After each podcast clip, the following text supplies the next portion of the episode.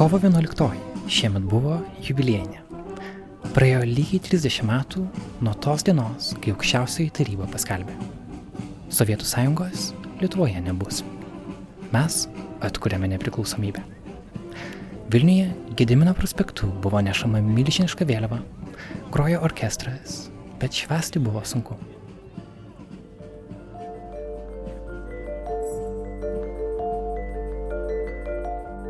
Lietuvos ligoninėse jau gulėjo pirmieji koronavirusų užsikrėtę žmonės, iš Italijos ir kitų šalių plaukė naujienos apie mirusius. Keturios dienos po to Lietuva užsidarė karantine, kuriame esame iki šiol. Mąstymą apie istoriją pakeitė nerimas dėl dabarties ir dėl ateities. Ir vis dėlto, šiandien, gyvenimui karantine tapus nauja norma, mes kviečiame jūs atsigręžti į istoriją, į tą tranzicijos laiką prieš 30 metų ir pabandyti jį suprasti geriau. Jūs klausotės Nailo podcast'o, jį kuria žurnalistų kolektyvas Nanuk. Mano vardas yra Karolis Višnauskas. Šį epizodą pristato Atviros Lietuvos fondas. Lietuvos Respublikos aukščiausioji taryba, reikšdama tautos valią, nutarė ir iškilmingai skelbė, kad yra atstatomas 1940 metais svetimos jėgos panaikintas Lietuvos valstybės suvereninių galių vykdymas ir nuo šiol Lietuva vėl yra nepriklausoma valstybė. Įdomu, kad ne visi Lietuvos aukščiausiosios tarybos nariai balsavo už nepriklausomybę. Iš 130 narių šeši susilaikė ir visi jie buvo lenkakalbiai.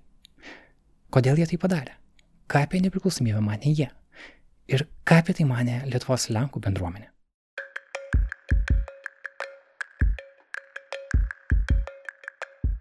Du 2016 metais Rytų Europos studijų centras paskelbė daugą sekančią apklausą.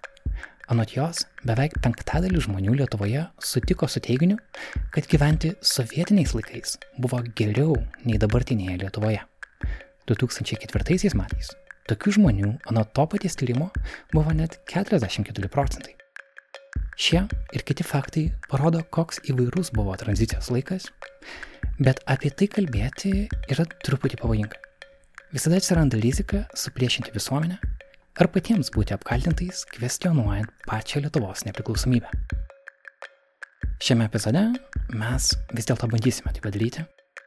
Bandysime į tranzicijos laiką pažiūrėti neutraliai, ypač didelį dėmesį skirdami į tai, kaip jo mokoma mokyklose. Kviečiame likti kartu.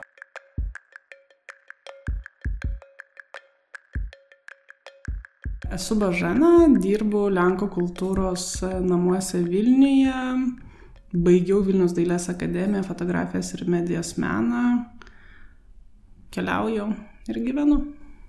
Kaip turi tavo pavardę? Miežonis. Miežonis. Mhm. Bažana Miežonis yra žmogus, kuris įkūnija daugia tautę Lietuvą. Jos pasirašyta tautybė Lenkijos, o pilietybė Lietuvos. Mes susitinkam kovo 11 šiandien, būtent šitą dieną. Ką tau šitą dieną reiškia? Man ši diena reiškia daug laisvę. Manau, kad laisvė yra svarbiausias dalykas žmogus gyvenime. Aš tikrai nenorėčiau gyventi ir tikiuosi neteks gyventi sąlygomis, kai yra tavo laisvės apribotos. Kai tu sakai laisvę, ką tu turiu omeny? Visapusiška laisvė. Ta prasme, nuo žodžio iki kaip atrodai, ką, ką mastai, ką kalbi, vienintelis dalykas, kad tavo laisvė netrukdytų kito laisvį. Bažianos istorija yra gan unikali. Šeimoje ji kalbėjosi lenkiškai, bet baigė lietuvių darželį, o tada pradėjo lankyti Lenkų mokyklą. Prasidėjus sąjūdžiui, Bašena tada dar ėjosi į darželį, savo lenkiškos tapatybės norėjo atsisakyti. Tiek lietuviška naujos Lietuvos idėja atrodė jai. Tarsi Lenkų kalba joje būtų nepageidaujama. Aš atsimenu istorijas tokias, kaip aš mamos prašiau sąjūdžio ženkliuką man nupirkti, o ne čiulpinuką ten ar saldainį. Ir aš ateidavau namo ir sakydavau, aš nekalbėsiu su jumis lenkiškai, aš nesuprantu lenkiškai, kalbėsiu tik lietuviškai. Kiek tuo metu buvo? Nu, kiek, šeši turbūt kokie. Jo, šeši, nes man rugsėjas. rugsėjo su ja 7, tai 6 metai. Ir tu 6 metų grįžai pas savo tėvus ir pasakai, kad tu nekalbėsi. Jo, atsimenu, kad buvo mačiutė ir mama. Aš sakiau, kad aš nieko nesuprantu, nors mano tėvai e, nėra kažkokie labai užkėtėję lenkai, bet aš užkėtėjusi buvau lietuvė pakankamai ilgai. Aš labai didelį nu, pasakykim, apmaudą jaučiau, kad mane į Lenkų mokyklą atidavė. Norėjau pakeisti mokyklą, bet reikėjo tada kartoti vieną klasę, grįžti. Dėl to nekeičiau. Po to man viskas galvoj susitvarkė. Ir tai, manau, e, buvo kažkoks darželėje vyko vyksmas sąjūdžio laikais, kad gal biški su vaikais reikėtų kitaip kalbėti, kad iš jų nedaryti nacionalistų ir kad jie ramiai kalbėtų e, savo gimtają kalbą, E, mylint savo tėvynę Lietuvą. Paklausiau Bužianos, kaip ji prisimena perėjimą į Lenkų mokyklą 90 metais, jau nepriklausomoje Lietuvoje. Kokios nuotaikos tada buvo? Lenkų mokyklai vienintelis, pavyzdžiui, 90 metais, kai e, aš atėjau į pirmą klasę, tai pavyzdžiui buvo, kad labai daug vaikų atėjo antrą kartą į pirmą klasę po rusų mokyklos ir kad buvo išsigandę jų tėvai ir tada vaikai atsirado tokia keistoje situacijoje, kad jų namuose nekalbėjo lietuviškai, kalbėjo rusiškai, lenkiškai, jie beveik irgi nieko nesuprato kai kurie. Ir tada tu atsiduri tokia keistoje situacijoje. Lenkų mokyklai, nes rusai turbūt blogai dabar. Ir buvo iš tos perspektyvos keista bendra, e, kad yra vaikų, kurie nekalba lietuviškai, kurie lenkiškai irgi labai blogai kalba jautėsi labai toks nenoras rusų kalbos, nenoras šiaip Rusijos ir taip toliau. Tai aš atsimenu iš paskim pirmų tų klasių mokyklai. Tai čia buvo ankstyvi 90-ieji. Tai buvo 90, jo, aš nuėjau į mokyklą 90 metais, pirmoji klasė. Aha. Ir tai jautėsi. Aha. Ir ilgainiui mažėjo? Jo, mažėjo, po to, pasakykim, žiniasklaidai Aš pastebiu bangom, tai rusų nemėgstam, tai lenkų nemėgstam, tai žydų nemėgstam, tu prasme, tai keičiasi pastoviai, grįžta, praeina ir taip toliau. O tau buvo tas suprantama, kad ar tu irgi savo vaikų nemėgai, nemėgai rusų, ar perėjai pati per tą etapą? A, ne, aš pas mane nebuvo kažkokių jausmų negatyvių rusams, mano patėvis yra rusas, kuris yra mano patė jau 30 metų, tai aš gyvenu pastoviai toj daugia kultūriniai E, terpiai lietuvių, lenkų, rusų. Ir aš stengiuosi atsiriboti nuo žiniasklaidos, ką ji teigia ir savo gyvenimo, nes nemanau, kad tai turi kažką bendro ypatingai. Atėjus nepriklausomybei pasikeitė ir Bošenos tėvų istorija. Iš inžinierių jie tapo gariūnų priekeiviais. Lenkų tautybė nepriklausomoje Lietuvoje jiems tapo minusu pagarba mano tėvams, kad jie sugebėjo, nes istorija buvo tokia, kad 90 metais atleidinėjo iš darbo iš pirmiausiai žmonės, kurie buvo rusais arba lenkais. Ir mano tėvai prarado, da, prarado darbą, jie buvo inžinieriais. Ir iš tikrųjų vienintelis kelias buvo, kaip jie teigia, tai buvo Gariūnai, Maskva ir taip toliau. Jie dabar šiaip labai nustebę, kad liko gyvi, nes, ta prasme, Maskvoje 90 metais tai buvo džiunglių įstatymai. Aš, pavyzdžiui, nežinau, ar tai ištverčiau. Aš atsimenu save, kai man 12-13 metų ir kartais važiuodavau padėti tėvams, ta prasme, tai nebuvo tie gariūnai, kurie yra dabar. Tai buvo reketai, tai buvo ginklai, tai buvo, nu, ta prasme, nu, aš tikrai nenorėčiau grįžti, bet jie tai ištvėrė Tu pameni ginklus, būdamas. Aš asmeniškai nepamenu ginklų, bet aš pamenu, ką tėvai. Tu prasme, buvo reketas, kuriam tu arba sumokė, arba nesimokė. Man, būdamas vaikas 12 metų irgi jautėjai tą įtampą. Taip, tu prasme, mano tėvai pastoviai dirbo. Jie naktimis būdavo gariūnuose arba Maskvoje, dieną mama ten karpė, patėvis vežiojo e, siuvėjams ten tos visus daiktus ir taip toliau. Ir iš esmės jie, nežinau, 15 metų ar kiek ten mėgojo po 4 valandas. Taip, dabar patys dirba pagal savo profesiją, inžinierių, mama turi savo siuvimo ateljė ir taip toliau, bet nu, tikrai labai daug sveikatos ir, ir nervo. Ir... O prieš tai buvo inžinieriai. Taip. Tai atrodo, kad iš jų perspektyvos jų gyvenimas pablogėjo.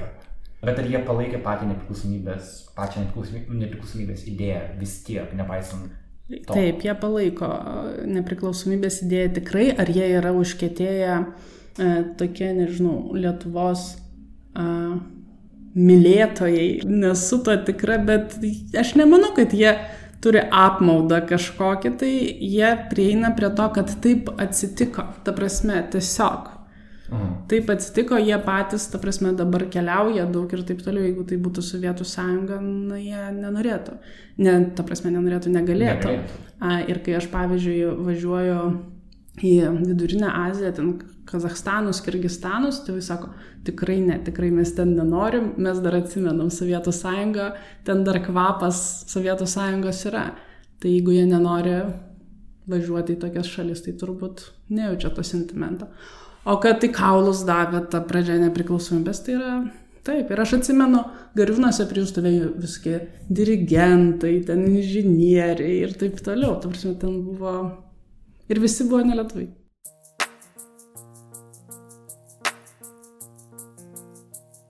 Ar tai buvo ok maždaug, kad valstybė atleidžia žmonės nelietuvę kalbės? Nežinau. Gal tarptų rusakalbė ar lenkakalbė buvo nelojalūs, pavyzdžiui, darbuotojai. Gal dar kažkas, mes nežinom, kaip buvo. Kad e, apmauda, manau, daugumai žmonių, taip, apmauda. Nežinau, žmonės, kurie išgyveno tos 90-uosius ir tą virsmą manau, paminklą galima statyti.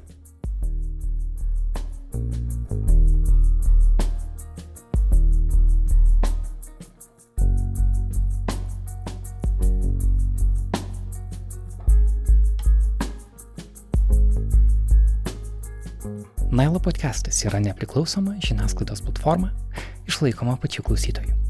Kviečiame palaikyti mūsų darbą adresu patreon.com/nunu multimedia. Nuo praėjusios savaitės prisijungė Regina Stonytė, Sigita Simona Paplauskaitė, Simona R, Asta Haladauskinė, Diana J, Julius Bogomolovas, taip pat Viltė Karpinskaitė, Lina Gabriolė, Augusta Drons, Laura Stas, Birutė Sabatuskaitė, Austėja Dudaitė Landsberginė ir Jonė Leštinskaitė. Ačiū Jums visiems, Jūs leidžiate mūsų žurnalistikai aukti. patreon.com slash nanuk multimedia Toks yra adresas norintiems prisijungti.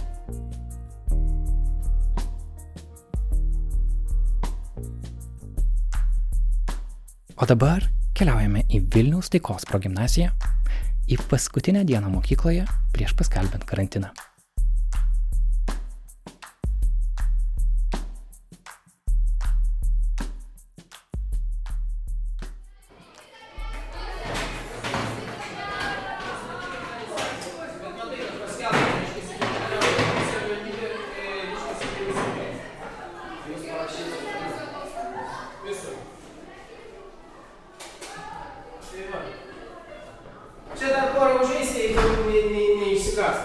Mokykloje ką tik baigėsi istorijos pamoka. Mokytojas Algis Bitautas pakvietė pasilikti tuos mokinius, kuriems įdomu. Jūsų vardai? Kasparas. Ieva. Aurelija. Kelintoje klasėmis. Penktoj. E, penktoj. Aha. Ir a, jūs neprivalo čia būti, bet jūs pasilikot, nes jums patinka istorija. Taip. Ko jums patinka istorija? Man tai labai patinka e, istorija, nes čia labai fainas mokytojas. ir, la, ir, ir labai daug ką pa- papasakoja naudingo ir vertingo. Ką jūs apie kovo 11 žinote? Aš žinau, kad mm, nepriklausomybės e, diena tai buvo 124, e, nežinau, ten signatarai ar nesignatarai. E, ir va, ir va, išskyrus šešis, šešis susilaikė ir 118 e, sakė va, už nepriklausomybę Lietuvos.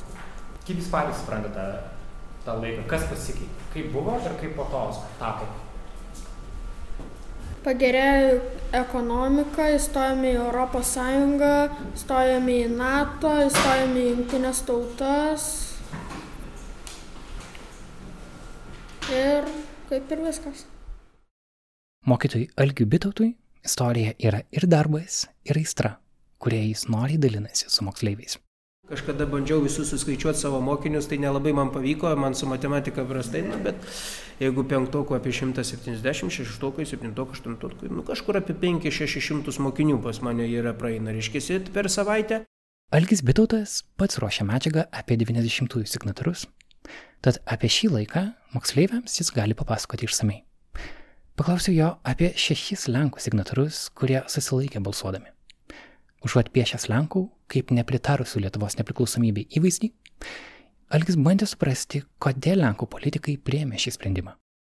Įdomiausia, kad mes, kai kalbam apie 90 kovo 11 vadovėlėje, mes neturim, na, tokia tarsi visuotinė euforija, visi čia jau tą kovo 11 sutiko, vat, kad ir penktos klasės kurse, aišku, mes galbūt ir negalėtume įdėti tam tikrų niuansų istorinių, kodėl čia e, buvo tam tikri žmonės, kurie nepritarė. Bet e, Kaip žinom, e, šeši Lenkų deputatai susilaikė, Aurelija atsakė teisingai, mes nagrinėjom, kad 124 balsavo už, o šeši susilaikė. Kodėl dabar susilaikė?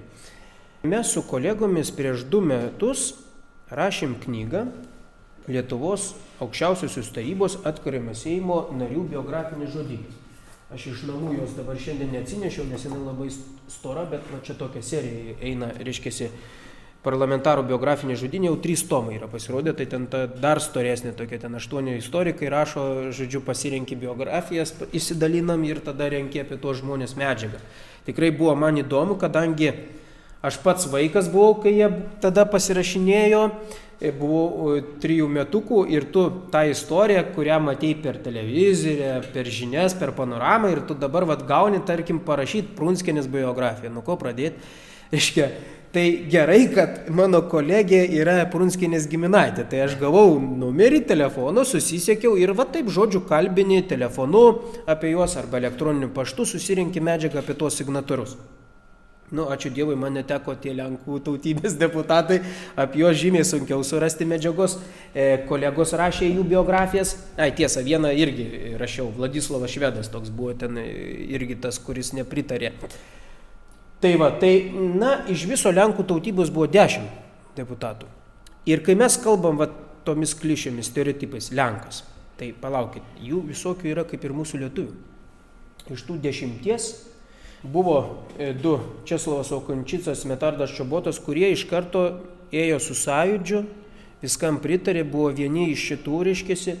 Tada kiti e, daugiau stengiasi žiūrėti žmogaus kolektyvinio biografiją ne per vieną, bet juos maždaug, kas juos bendro siejo, kodėl jie taip pat pasielgė, reiškėsi. Ir čia mūsų tas įdomus toks kolektyvinės biografijos principas, kai tu pradedi žiūrėti, aha, kilmės vieta, faktiškai jie be ne visi yra gimę e, tame Vilniaus krašto regione, tai kaimeliai Vilniaus rajono, tenais e, Šalčininkų rajono, tokie visokie kaimeliai reiškėsi. Kai kurie gimė netgi tas e, Tarkim, vienas iš jų Stanislavas Akanovičius, dabar jau ir miręs 2018, vėlgi įtraukiam naują medžiagą į mokslinę apyvartą, palaidotas Jašiūnuose, vėlgi Lenkų e, e daug gyventojų sudėtis. Reiškia, jis gimęs dar 35-ais, dar kai Vilniaus kraštas priklausė tuometiniai Lenkijai. Tada tu matai viso žmogaus, kur jisai studijavo, ką dirbo, tu matai, kad jisai buvo suformuotas visai kitos aplinkos. Iškėsi, aš pasižiūrėjau, kad jie dauguma iš jų, tų šešių, kurie ten nepritarė, tai paprastai e, mokėsi dar aukštojoje komunistų partiniai mokyklai, e, e, buvo TSKP nariais, e, namuose turbūt vėlgi visai kita kultūra Ir natūralu, tai kodėl aš turiu čia balsuoti už kažką, kas man, nu, turbūt nėra e, ryškėsi. Tai va, tai kai tu pradedi taip, va, nagrinėti, tada, nu, tu tikrai stengiasi suprasti to žmogaus poelgius. E, Kaip tuomet papasakoti apie tai moksleiviam, kad jiem nesusidarytų įspūdį, kad, aha, Lenkai mhm. balsavo prieš Lietuvą, Mes turim dabar jų nemėgti, kažką dabar turim daryti. Kaip, kaip, išla, kaip parodyti, kad čia yra žmogaus istorija, kodėl jis priemė tokį mhm. sprendimą ir kad tai nemeta šešėlio visai tautai.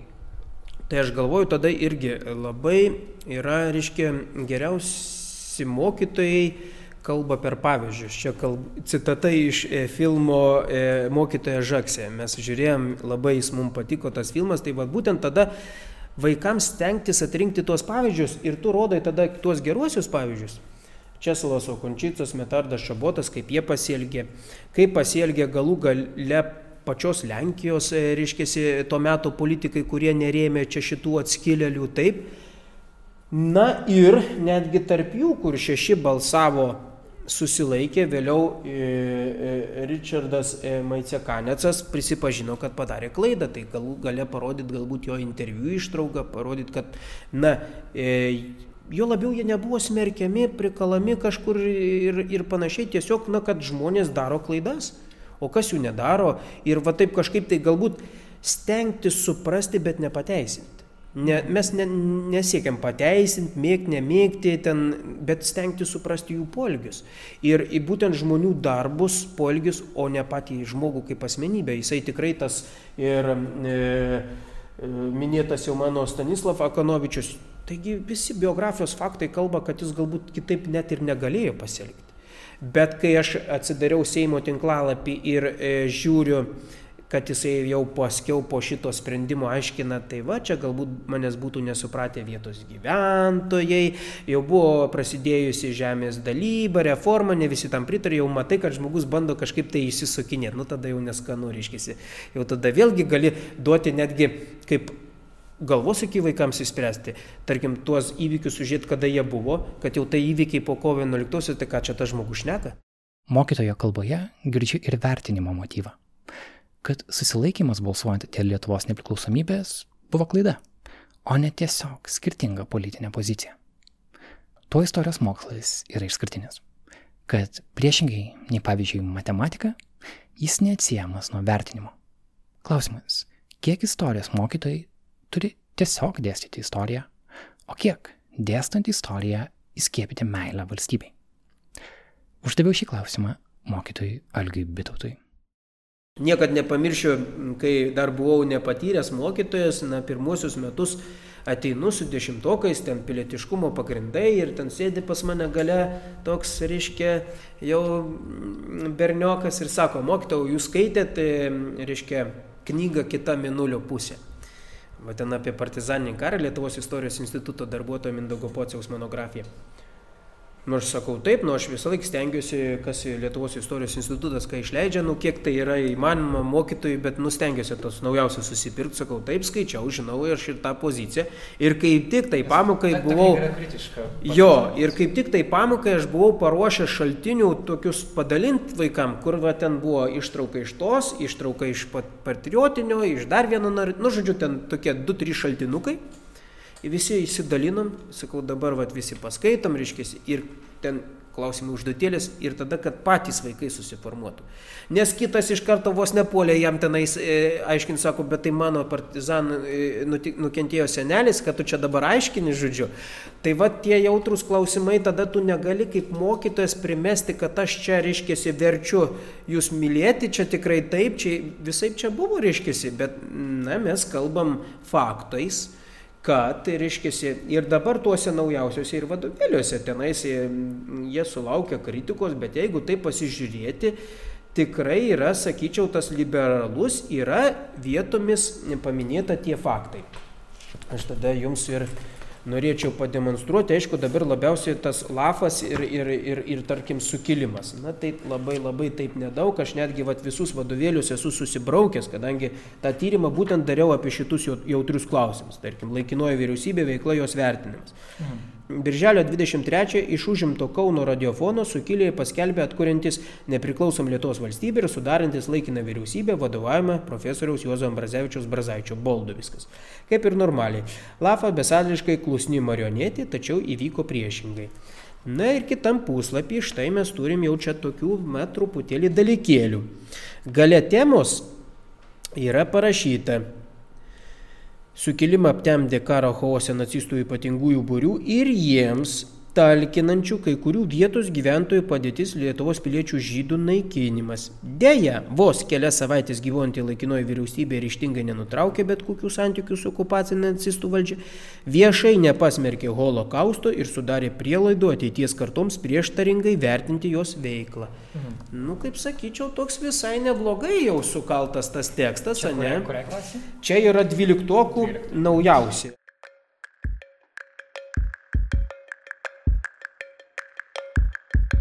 Vėliau Alkis Bitautas paminėjo dar kelis pavyzdžius iš vadovėlių moksleiviams, kur Lietuvos istorija vertinama kritiškai, ne tik vien herojiškai, pasitikint moksleiviais, kad jie patys pasidarys išvadas. Vėlgi čia šaukimas apvalyti lietuvių tautą nuo grybo, kuris spausdinta į laisvę leidinėje 41 Liepos 5 dieną, ne? Mhm. Reiškia, toliau mes turim dar, turim panerius nuotrauką. Tai palaukit, jau pametėm, kiek čia tas skaičius. Nu, žodžiu, 12 lapų, man, man atrodo, reiškia, kažkada skaičiavau. Tai, nu, tai aš, man atrodo, čia yra tikrai, reiškia, užtektinai, čia jau per vieną pamoką, kur jau čia, tai žmogui perskaityti 12 lapų, kiek reikia laiko. O tai reikia suprasti, kad skaito tai 18 metų jaunuolis arba jaunuolė, kuri nieko negirdėjusi apie sukilimą Ambrazevičių Brazaitį, nacius, reiškia, tą Joachimo e, Hoffmano e, skrajojantį būrį ir panašiai. Nu, tai, tai, tai, tai mesgi neugdoma istorikų meistrų, o bendrą supratimą žmogui. Supratau, dėkui, nežinau apie šitą vadovėlį.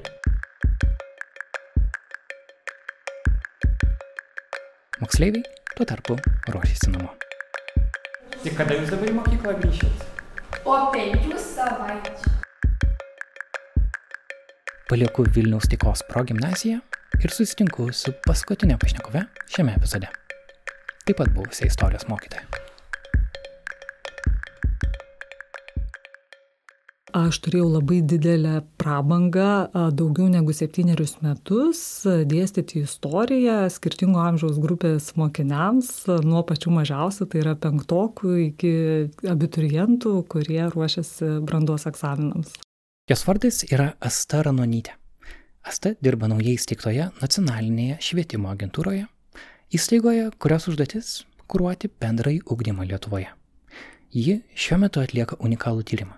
Tyria dešimt vadovėlių, kurie Lietuvos mokyklose kalba apie tranzicijos laiką į nepriklausomą Lietuvą. Tyrime taip pat dalyvauja tyrėjai iš kitų virsmą išgyvenusių šalių - Vokietijos, Ukrainos, Bulgarijos ir kitų. Tyrimas vis dar vyksta, bet Asta Ranonytė jau turėjo ko pasidalinti. Kviečiu išgirsti pokalbį su ją.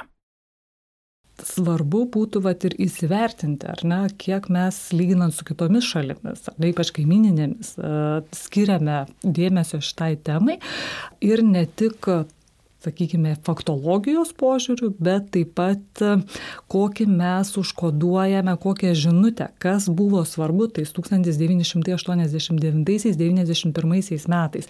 Nes sutikime, mūsų apskritai istorijos supratimas yra jau benueinantis supratimas, kad tai yra tik faktai ir tai yra labai gerai, ne, kad ateina suvokimas, kad istorija yra ir procesai, ir vertinimas, ir požiūris, ir kasdienybės istorija. Ne, bet iš kitos pusės labai sudėtinga yra atsikratyti to tradicinio supratimo, kad istorija yra lygų politika. Ir reikia pažymėti, kad mūsų vadovėliuose tikrai yra ieškoma būdų kaip istorijos tą va, pereinamąjį laikotarpį pristatyti ne tik per politinę prizmę, ne tik per politinių lyderių poveikį tam laikotarpiui, bet ir per kasdieninį žmonių gyvenimą, per jų patirtą pokytį. Reikia pabrėžti, kad tai yra ne visų tirtų istorijos vadovėlių na, raiška, ne, dalyje tikrai nueita yra tuo tradiciniu keliu. Tai yra tradicinės iš anksto numanomos savokos, ne, visuose atsikartojimas yra 89, 91, yra Baltijos kelias, yra sąjudis, yra nepriklausomybės pats aktas yra a, sausio 13, ne, bet tikrai labai džiugu, kad vadovėlio autoriai ypač 10-12 klasėje, kaip sakiau, ieško galimybių pristatyti tą kasdienybės atspindi, kaip atrodė tas laikotarpis žmonių kasdienybėje, ne, kaip pasikeitė jų ekonominis gyvenimas. Nes tikrai perėjimas iš planinės ekonomikos į rinkos ekonomiką turėjo savo na, labai radikalių pokyčių. Ir, ir kaip tai atsispindėjo, pavyzdžiui, socialinėje žmonių raidoje, pavyzdžiui, kaip keitėsi gyventojų sudėtis, kai buvo paskelbta nepriklausomybė. Ne? Džiugiausias atradimas, kur aš įsivaizduoju ir turi didžiausią atliepą tarptų, kuriems vadovėlis yra skirtas, ar ne, tai yra mokinių, kuriems 16-18 metų, yra tai, kad vadovėlio autoriai rado būdų, kaip pristatyti, pavyzdžiui, tą pokytį per populiariąją kultūrą, pavyzdžiui, per roko maršus, per tai, kokia tuo metu buvo populiari muzika ir kodėl, pavyzdžiui, to meto jaunimas negalėjo klausytis tokios muzikos, ar ne, ir, ir va tas pokytis, kai yra įvykęs. Jis paminėjo tam tikrus taškus, kaip šitas mhm. naratyvas tarsi yra konstruojamas. Mm -hmm. Ir taip, jie atrodo visiškai natūralūs, kaip sausio 13, kaip kovo 11. Um, klausimas, kurį mes bandom išsiaiškinti, yra, ar nėra taip, kad kai mes kalbame apie Lietuvos nepriklausomybę, yra tas tam tikras vienas naratyvas, kuris yra pakankamai toks patriotinis ir saugusis. Aš saugus. atsiprašau, kad pertraukiau, bet ja, tikrai saugusis karas. naratyvas. Ir pavyzdžiui, aš pats pamenu ir savo domėjimus istoriją, tada jau tik vėliau sužinojau, kad, aha, pasirodo, pavyzdžiui, koks nors Brazauskas visai nepalaikė tuo metu nepriklausomybės, ar ne? Nu, bent jau gal, gal irgi klystu taip tiesiog taip drąsiai mhm. teikdamas, bet jis -hmm. buvo uh, labiau to šalininkas, gal čia reikia su Gorbačiovu viską derinti kažkaip. Ir tada mm. tu, pavyzdžiui, matai dabar, šiuo metu vyksta JAV prezidento rinkimai, vienas iš kandidatų Bernie Sanders, jis, pavyzdžiui, matai, kad 88 metais buvo atvykęs į uh, Sovietų sąjungą ir sakė, čia vėl Gorbačiovas daro geras reformas. Uh, Palaikykime jį. Taip, ir, taip. ir tada supranti, kad netgi Bušas, tuometinis JAV prezidentas, irgi, pavyzdžiui, lietuvius laikė visai išsišokėliais, kad čia reikia eiti, ne, nereikia, nereikia siekti nepriklausomybės, geriau reikia siekti siekti reformuotos Sovietų sąjungos. Atsiranda daug tokių papildomų sluoksnių, kuris, kai tu supranti, kad iš tikrųjų nebuvo viskas taip paprasta, kad visi tiesiog vieningai norėjo, kad Sovietų sąjunga griūtų ir, ir atsikurtų daug nepriklausomų valstybių. Buvo daug žmonių, kurie visai bijojo, kas tuo metu bus. Ir, ir aš galvoju, žinot, jeigu tu esi penktokas, tau mhm. tikrai sunku tokius suprasti mhm. dalykus, bet ar nėra, ir čia tik prielaida ir įdomu, kaip jūs, kaip skaičiusi vadovėlius, mhm. ar jūs galbūt tam visiškai prieštarausite, kad galbūt tie vadovėliai kaip tik truputį bijo liesti kitus požiūrių kampus, nes tada tarsi atsiranda mm. rizika kvestionuoti patį nepriklausomybės judėjimą ir patį tuomet jau Lietuvos oh. kaip nepriklausomos šalies buvimą. Mm. Ir nežinau, kaip jums pasirodė skaitant šitos. Ir kaip buvusiai istorijos mokytojai, kiek tos nesaugumo mm. mes turėtumėm įsileisti į mokyklas, kiek to turėtumėm nebijoti.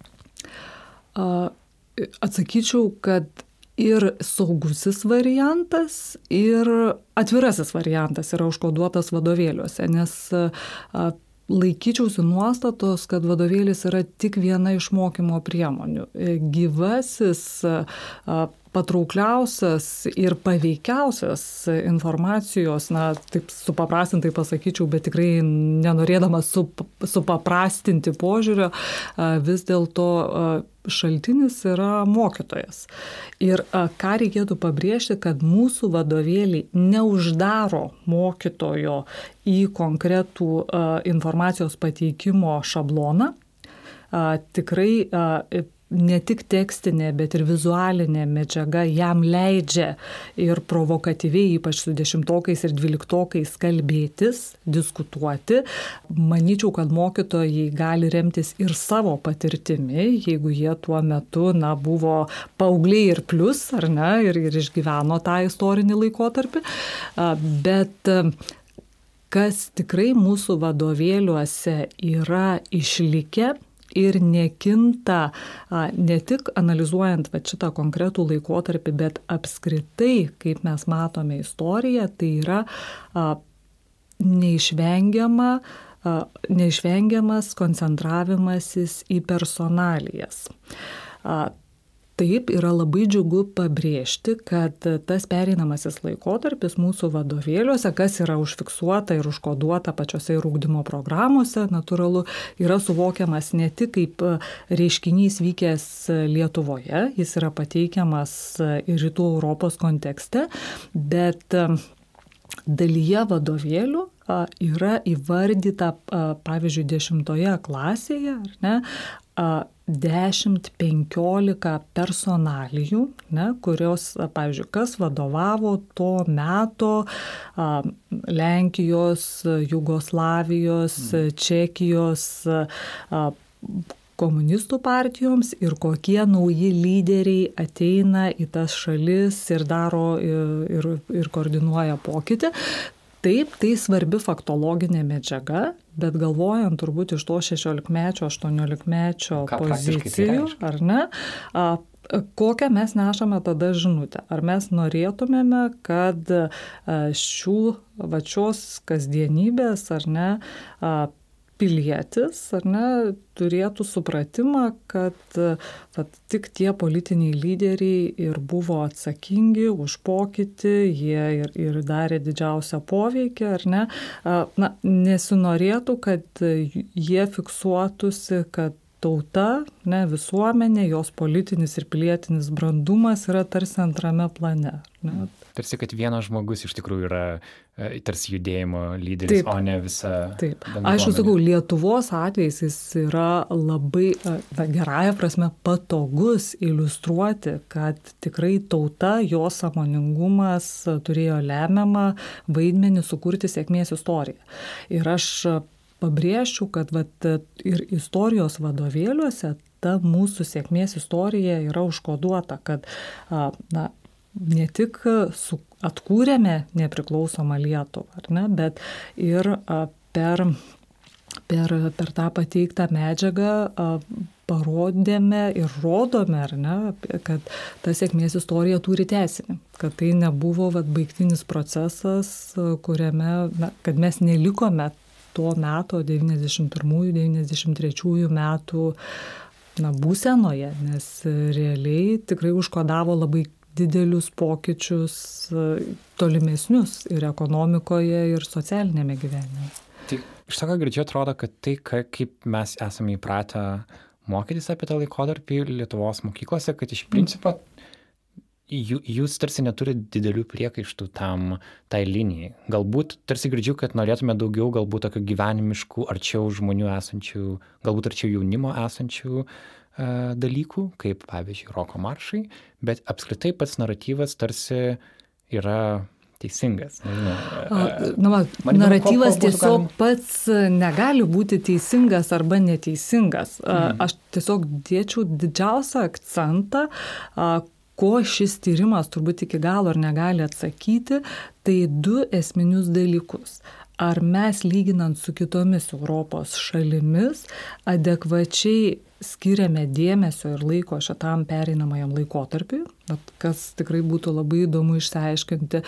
Ir ar mes ne per daug kaip tik dėmesio skiriame kitų šalių tam pereinamajam laikotarpiu, nes man tikrai labai smalsu sulaukti, pavyzdžiui, ar Čekijos vadovėliuose yra minimi mūsų lyderiai, pavyzdžiui, Vytautas Landsbergis, tas pats jūsų minėtas Algirdas Brazauskas. Ne?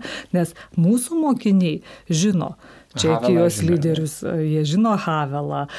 Ir, reiškia, tai klausimas, bet ar, ar mes esame susibalansavę, ar ne? Ar... Įdomu, nes kiek pamenu savo mokyklos laikus, mhm. atrodė, kad kaip tik vis apie Lietuvą labai sukasi ir tarsi norėjosi daugiau, daugiau mhm. Europos istorijos. O jūs sakot, kad iš tikrųjų palyginti Lietuvos vadovėlės yra pakankamai daug Europos. Taip, istorijos. yra, yra Europa ir, ir aišku, tai ir kūrė tą tokį na, bendresnį supratimą, ne, ne egocentrišką, ne ekscentrišką, ar ne, kad tik Lietuva patyrė tuos pokyčius. Aišku, tai, kad yra Europą nereiškia, kad mūsų patyrimas yra mažiau skausmingas arba mažiau dramatiškas. Tikrai tai nesumažina mūsų patyrimo to, to na, ir, ir skausmo, ar ne, bet iš tos pusės va, tikrai norėtųsi pasižiūrėti, kaip mes atrodome lyginant su kitomis šalimis.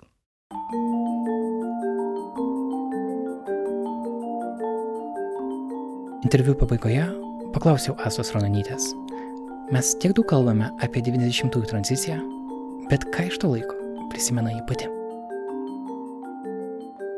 Man tas laikotarpis yra susijęs su a, tokiu geru emociniu gniužulu gerklėje, kada tiesiog springsti nuo to pokyčio, kurio negali net suvokti, tu jį suvoki tik per savo tėvų ir savo artimos aplinkos reakcijas. Ir man tikrai labai pasisekė, kad aš turėjau galimybę, nors ir ne pačiame didžiausiame mieste, tai buvo panevežyje, bet tiesiog labai artimai išgyventi tą pokytį per, per mitingus, per pradėtas švęsti dabar jau esamas valstybinės šventės per mokytojų drąsą, kurie tiesiog keitė vadovėlius savo na, kopijuojamą medžiagą, kad mes, vat, paaugliai, nei vienos dienos negyventumėme vakarykščiame sovietinėme naratyve. Jie tiesiog, pavyzdžiui, istorijos vadovėliai na, buvo ne į lygiaverčius vadovėlius, bet į, į mokomąją naują medžiagą tiesiog buvo keičiami čia ir dabar. Ir jūs tai, supratot, kas vyksta? Supratimas, aišku, jis buvo buvo turbūt dalinis, aš tiesiog, kaip sakiau, aš supratau turbūt per savo tėvų reakciją, kuri irgi buvo tame, pavadinčiau, transition, e, transition e, na, būsenoje, ne? nes tiesiog baime, klausimus ar ne ir tylų kalbėjimą labai artimoje aplinkoje, ar ne, keitė vis drąsesni ir garsesni diskusiniai klausimai, e, vis aktyvesnis įsitraukimas nuo stebėtojo, ar ne, kada labai iš toli net, pavyzdžiui, stebėdavo pirmuosius mitingus, ar ne, ir dar taip, na, sakyčiau, diskutavo, ar tikrai galime, pavyzdžiui, vestis paauglę dukrą, ar yra saugu, ar ne, iki labai aktyvaus įsitraukimo ir mano va didžiausias patyrimas, turbūt, kuris man davė supratimą, kad pokytis yra radikalus, buvo tai, kad aš turėjau galimybę iš labai arti stebėti 1989 metais savo šeimos ainių, pavadinčiau, grįžimą į Lietuvo žemę, nes mano tėčio artima šeima buvo ištremta į Sibirą ir mano prosenelė mirusi yra Sibirė ir tiesiog artimieji dalyvavo jums turbūt žinomoje tuo metu vat, pasinaudojo to, to meto galimybę, tiesiog buvo vykstama į Sibirą, į tas vietas, kur buvo ištremta ir parveždavo palaikus ir laidodavo čia, Lietuvoje. Tai man turbūt tai buvo vat, vienas stipriausių tų įspūdžių, kada buvo planuojama pati kelionė, kada a, buvo na, renkamos lėšos, kad e, keli šeimos nariai galėtų išvykti. Ne? Tada tas pats pargabenimas, visa ta logistika, vat, pereinantis su tuo emociniu patyrimu, tikrai tai yra tas įvykis, kurį a, pasakodavau savo mokiniams ir aš tikiu, kad aš a, jį galiu pasakoti ir vat, savo dukroms kaip patyrimą, kuris keitė asmeniškai Ir Lietuvos mokymo programa leidžia mokytojams turėti tą tokią asmeninę erdvę pasidalinti istoriją. Kad... Tikrai taip, uh mhm. -huh. tikrai taip. Ir nebūtent, nebūtinai tik šiuo laikotarpiu. Tiesiog istorijos mokytojas turi viena iš prabangiausių galimybių turbūt atsispirti į pateikiamą medžiagą ir ją lokalizuoti, ją susijęti su asmeninė patirtimi, aišku, labai gerai planuojant savo veiklas, nes nebejoju, kad jeigu ir šį įrašą klausysis istorijos mokytojai, jie man oponuotų, kad o kaipgi pasiruošimas egzaminams, o kaipgi programa, kurią mes turi, pagal kurią turime mokyti. Tai nebejoju, kad profesionalų profesionalūs mokytojai geba subalansuoti ir tiesiog tą faktologiją, tą vadovėlinę medžiagą papildyti savo emociniais patyrimais. Bet taip pat ir didžiulė atsakomybė prieš, prieš moksleivis, kad jie, kad jie juos iš tą savo pasakojimą įsileisti mhm. irgi, mhm. kad na, reikia jam teisinga kažkaip sudaryti įspūdį. Ir čia turbūt klausimas, ar apskritai įmanoma žmonėm, kurie to neišgyveno, mm. suprasti, ar ne? Um, kaip aš žiūriu, pavyzdžiui, ten Berlyno sienos griūties, koks nors mm. video, tu matai tą euforinį momentą, lygiai taip pat, nežinau, gali matyti kokį nors grupės foje koncertą Vingio parke, kur beras 40 tūkstančių žmonių buvo, čia buvo truputį vėliau. Bet yra tokie momentai Lietuvos ar gretimų šalių istorijai, kurie atrodo, bet buvo tam laiku, jie galėjo veikti tik tada ir tos kartos žmonėms. Aš pats gimiau 89 metais, aš tarsi dar galėjau tai patirti, bet buvau vaikas. Bet ar, ar įmanoma iš tikrųjų suprasti? Ir galbūt ta karta moksleivių dabar neturės kažkokius savo įvykius. Gal, gal koronavirusas bus jų, jų kartos dalykas, bet čia toks jau platesnis klausimas, kiek, kiek mes galim suprasti, kiek istorija, kaip mokslas leidžia realiai pajusti um, į istoriją iš tikrųjų. Sudėtingas klausimas, nes kiekvienas jaunas žmogus per save perleidžia tą supratimą ir aš džiaugčiausi, kad viešoje erdvėje, ypač šiuo laikotarpiu, ar ne, vat, kada 30-osios nepriklausomybės atgavimo metinės yra um, tikrai uh, labai plačiai uh, pristatomos, komentuojamos iš labai skirtingų perspektyvų ir tikiu, kad taip pasiekia ir jaunąją kartą, bet aš nebejoju, kad reikia ieškoti ir šiai kartai priimtinų ir suprantamų na, iliustracijų arba koduočių kad jie suvoktų to meto pokyčius. Ir a, man labai patiko viešoje erdvėje nuskambėjęs, labai atsiprašau, kad autorystės neprisiminsiu, a, kas tai fiksavo, bet, pavyzdžiui, kad Baltijos kelias tai buvo kaip to meto flashmobas, kada visi išėjo ir vienu metu darė vieną svarbų veiksmą. Ir aš tikiu, kad a, dabartinio jaunimo, ar ne, va, to besiformuojančio žmogaus galvoje, tai fiksuoja, ar ne, kad tai, ką jie supranta, ar ne, vat, kaip tą bendrystę dėl vieno bendro tikslo, ar ne, jiems gali tikti va, tą iliustraciją suprasti. Supratau, dėkui Jums, Asta, labai, labai smagu kalbėtis ir lauksim tada finalinių rezultatų tyrimų. Ačiū Jums už galimybę.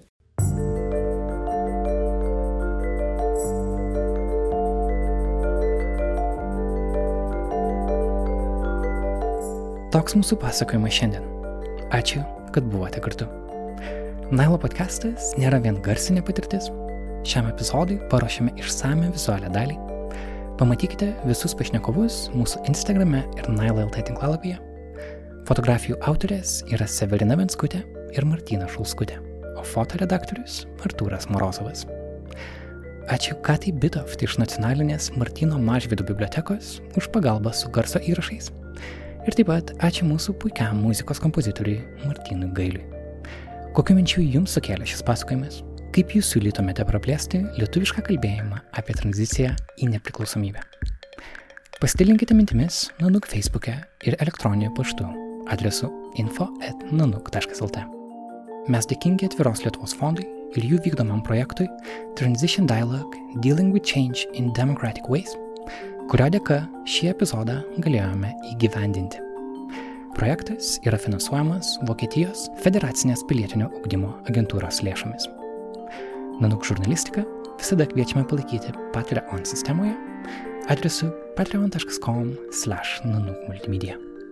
Mūsų 100 dolerių patronai yra Blossom Boot Foundation. Ačiū jiems. Aš esu Karolis Višnauskas. Nailo podcastas tęsiasi ir karantino sąlygomis iš namų studijos. Kas savaitę kalbame socialinėmis ir kultūrinėmis temomis. Iki kito karto, būkite sveiki ir saugus.